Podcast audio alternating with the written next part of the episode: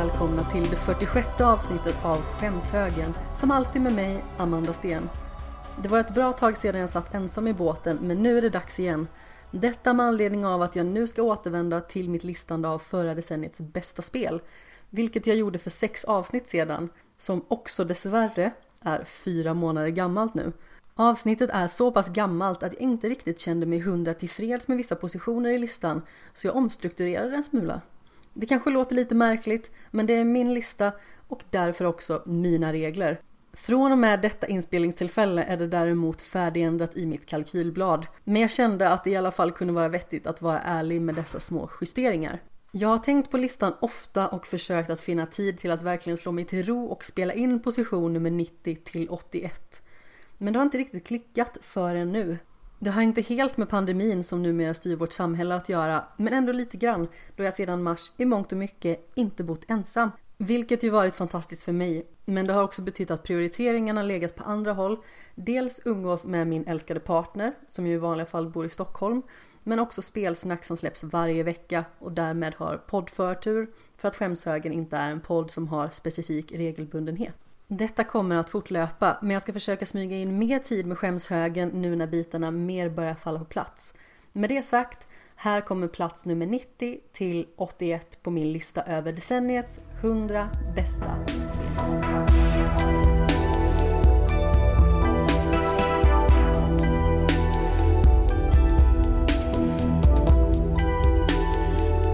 Position nummer 90 Cadence of Hyrule eller också den nätta titeln Cadence of Hyrule Crypt of the Necrodancer featuring The Legend of Zelda. Vilken tunga som helst hade kunnat snubbla på det där. Och att hålla tungan rätt i mun är ju i mångt och mycket vad Cadence of Hyrule handlar om. Denna korsning mellan två spel fångar verkligen det bästa från två världar. Det rytmbaserade systemet från Crypt of the Necrodancer samt den livfulla bekanta världen och tonerna från The Legend of Zelda.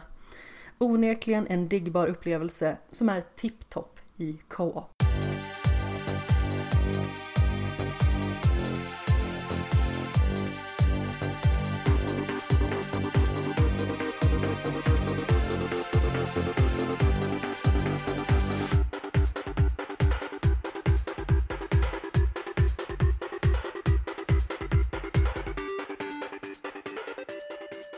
Position nummer 89 Resogun. Detta voxelbaserade shoot em up är lika förtjusande på stationär konsol i kooperativt läge som hopkurad i ett hörn med en Playstation Vita.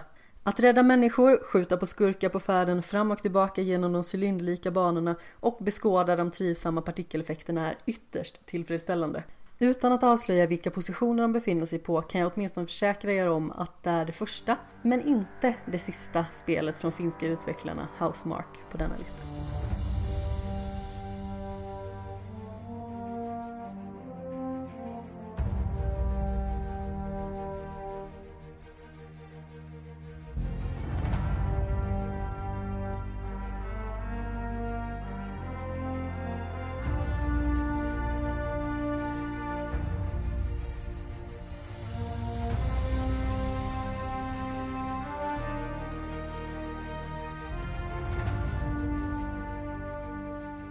Position nummer 88 39 Days to Mars Detta kooperativa äventyr i rymden som två britter med tillhörande humor låter ju som en kombination som knappast skulle kunna gå fel. Visst, de spelmoment man tar sig igenom kan besitta ett tveksamt utförande rent mekaniskt, men allting besitter en enorm dos afternoon doftande charm. I synnerhet då momenten mellan olika typer av uppdrag i rymdfarkosten är att skapa perfekt serverat te och scones.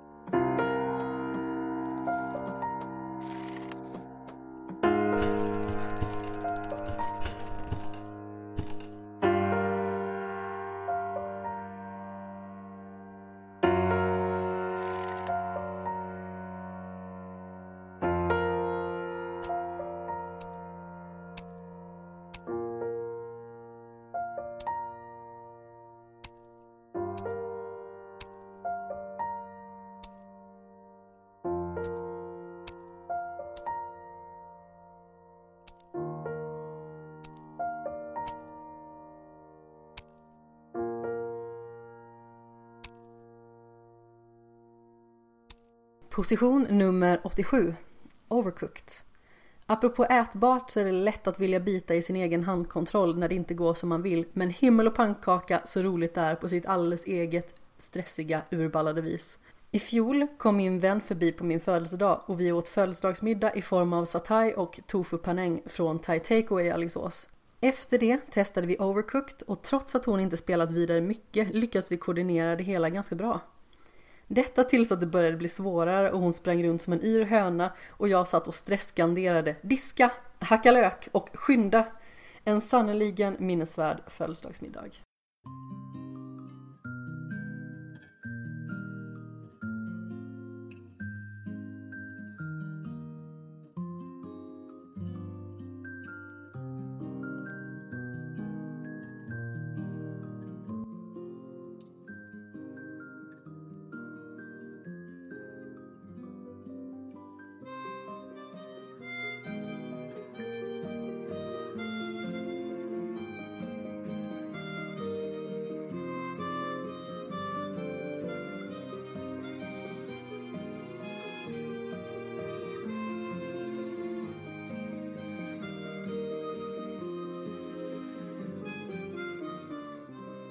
Position nummer 86, Diablo 3. Sommaren 2018 var den varmaste jag kan minnas. Det var också ironiskt nog sommaren jag spelade igenom Blizzards Diablo 3. Min dåvarande lägenhet på 27 kvadratmeter var ett olidligt varmt växthus då jag hade eftermiddagssol och kvällssol in genom de stora vardagsrums och köksfönstren från ungefär halv två på dagen till solen gick ner på kvällen. Med mörkläggningsgardinen i vardagsrummet neddragen, iförd enbart underkläder och jättelika gaminglurar satt jag på golvet med benen så brett isär som möjligt och spelade igenom detta actionrollspel med en vän över nätet. På golvet gjorde jag mitt yttersta för att låren inte skulle nudda varandra då risken var att jag då skulle gå upp i atomer och på skärmen kutade jag omkring som Demon Hunter långt ifrån fienderna och pilade åbäkena med mitt armborst. Social distansering i flera bemärkelser.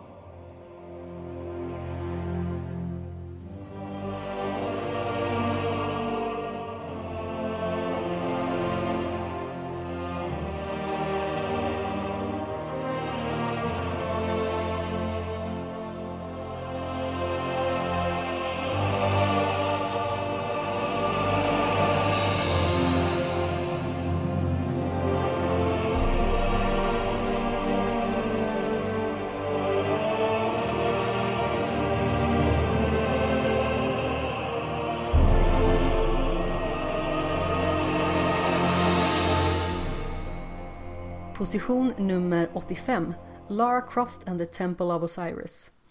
Innan jag spelade Tomb Raider Definitive Edition till Playstation 4 varken hade jag eller var intresserad av att ha en relation till Lara Croft. Men då jag tyckte om framförallt första Tomb Raider och Rise of the Tomb Raider och det kändes som att spelen tog karaktären lite mer in i samtiden blev jag helt klart sugen på att utforska andra nyare spel med karaktären.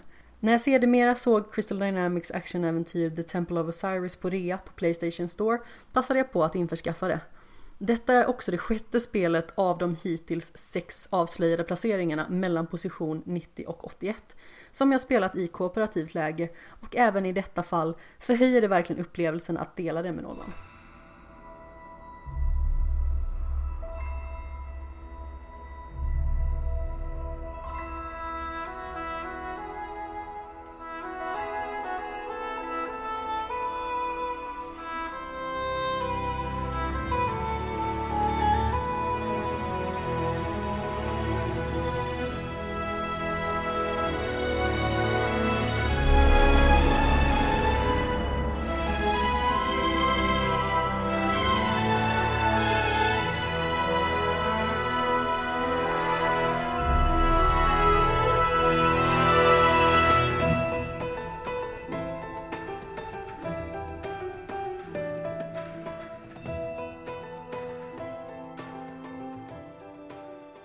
Position nummer 84 Batman Arkham Knight Jag och Batman Arkham Knight fick inte en bra start på vår relation.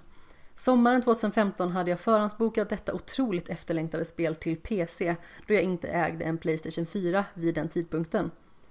Jag fick spelet, jag startade det och det kraschade. Jag testade om och om igen men utan resultat. Det visade sig att det existerade ett problem överlag med att få spelet att fungera på dator. Jag kontaktade spelföretaget jag köpte spelet av och ingen kompensation för ett dagsfärskt fullprisspel som inte fungerade fanns överhuvudtaget, vilket gjorde mig inte helt oväntat ytterst förbittrad. Vintern där 2015 och 2016 möttes separerade jag och tvingades flytta till ett temporärt boende i form av en etta i ett skyddsrum. Jag som aldrig tidigare bott själv kände mig isolerad och bortglömd samt att jag under perioden jag bodde i skyddsrummet led av depression, svår ångest och om nätterna härjade min sömnparalys som förvärrats markant. Som ut och inflyttningspresent till mig själv skaffade jag dock en Playstation 4 och på köpet fick man ett spel. Jag valde såklart Batman Arkham Knight som jag aldrig fick spela när det släpptes. Trots att det är långt ifrån lika bra som föregångarna och att allt vad stridsvagnar heter kan fara och flyga var det en trygghet för mig såväl ensamma stunder som sömnlösa nätter.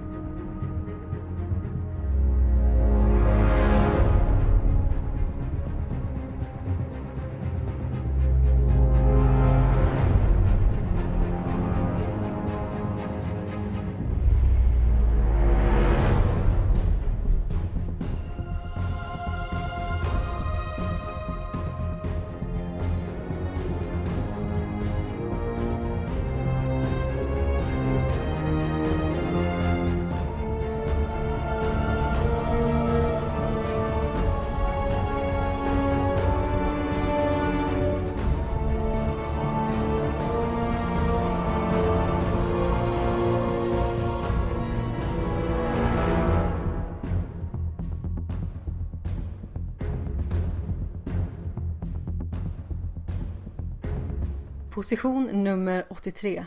Nexmakerna. Ytterligare ett av tre partikeleffektsprudlande spel från Housemark som jag har på min topp 100-lista. Till skillnad från Wrestlegun spelas detta shoot em up från ett top-down perspektiv där man springer runt och möter vågor av fiender. Smått stressande, fingerfärdighetskrävande och alldeles underbart. Nämnde jag partikeleffekterna? Jag älskar partikeleffekterna.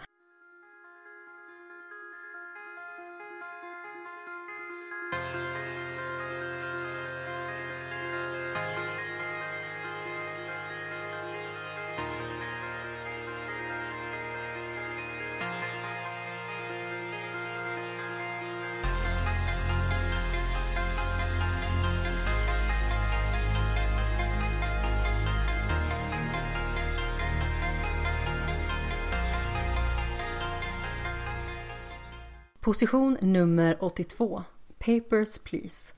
Till skillnad från föregående spel på listan är Papers, Please som jag spelade på Playstation Vita i vintras inget roligt spel, men ändå väldigt bra och nervkittlande. I detta dystopiskt obehagliga indiepusselspel arbetar jag som passkontrollant i det fiktiva landet Arstotska. Det är alltså upp till mig att utifrån olika typer av direktiv jag får varje dag från överordnade att avgöra vilka som får komma in i landet eller ej. Bland annat ska jag som kontrollant se till att giltighetsdatum, passfoto och dylik information stämmer och efter ett tag även matcha passet med olika typer av andra legitimationer och tillstånd. För var dag blir det svårare. Inte bara för att restriktionerna blir mer komplicerade utan för att folk, för att nämna en typ av scenario, bönar om att få komma in för att deras familj fått komma in eller annat som ger en dåligt samvete om jag nekar dem inträde. Samtidigt vet jag att om jag begår misstag kommer det gå ut över min egen familj då pengar dras av från min lön och jag riskerar att hamna i kurran. Spelet får mig som spelare att ifrågasätta mina egna val gång på gång samtidigt som jag vet att jag inte har något val på ett sätt jag tidigare inte upplevt i spel.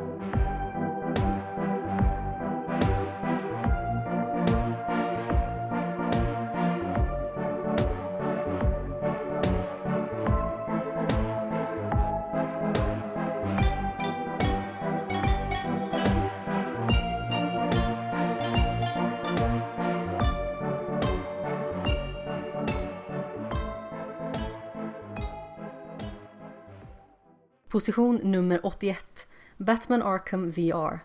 Virtual reality har aldrig varit något som jag dragits till så värst mycket och därmed finns det inte många sådana titlar som jag faktiskt tagit mig tiden att testa. Som första upplevelse fick jag The Impatient tillsammans med min nära vän Tobbe Fix från Svampriket och det var tur att i alla fall sällskapet var bra. Förra året på vinterupplagan av Retroresan Meetup satt jag länge och sneglade på Peter Erikssons VR-headset. Alltså Peter som gästat Skämshögen ett antal gånger. Till slut, när ingen lånade den för tillfället, gick jag och startade igång Batman Arkham VR. Det var verkligen en surrealistisk upplevelse som fick mig, enligt åskådare, att se ut som världens mest nöjda stora barn. Och det var med barnslig förtjusning jag tog mig igenom detta spel. Jag vet inte hur länge jag stod och kollade på handskarna som prydde mina händer. Känslan var storslagen. Jag var Batman.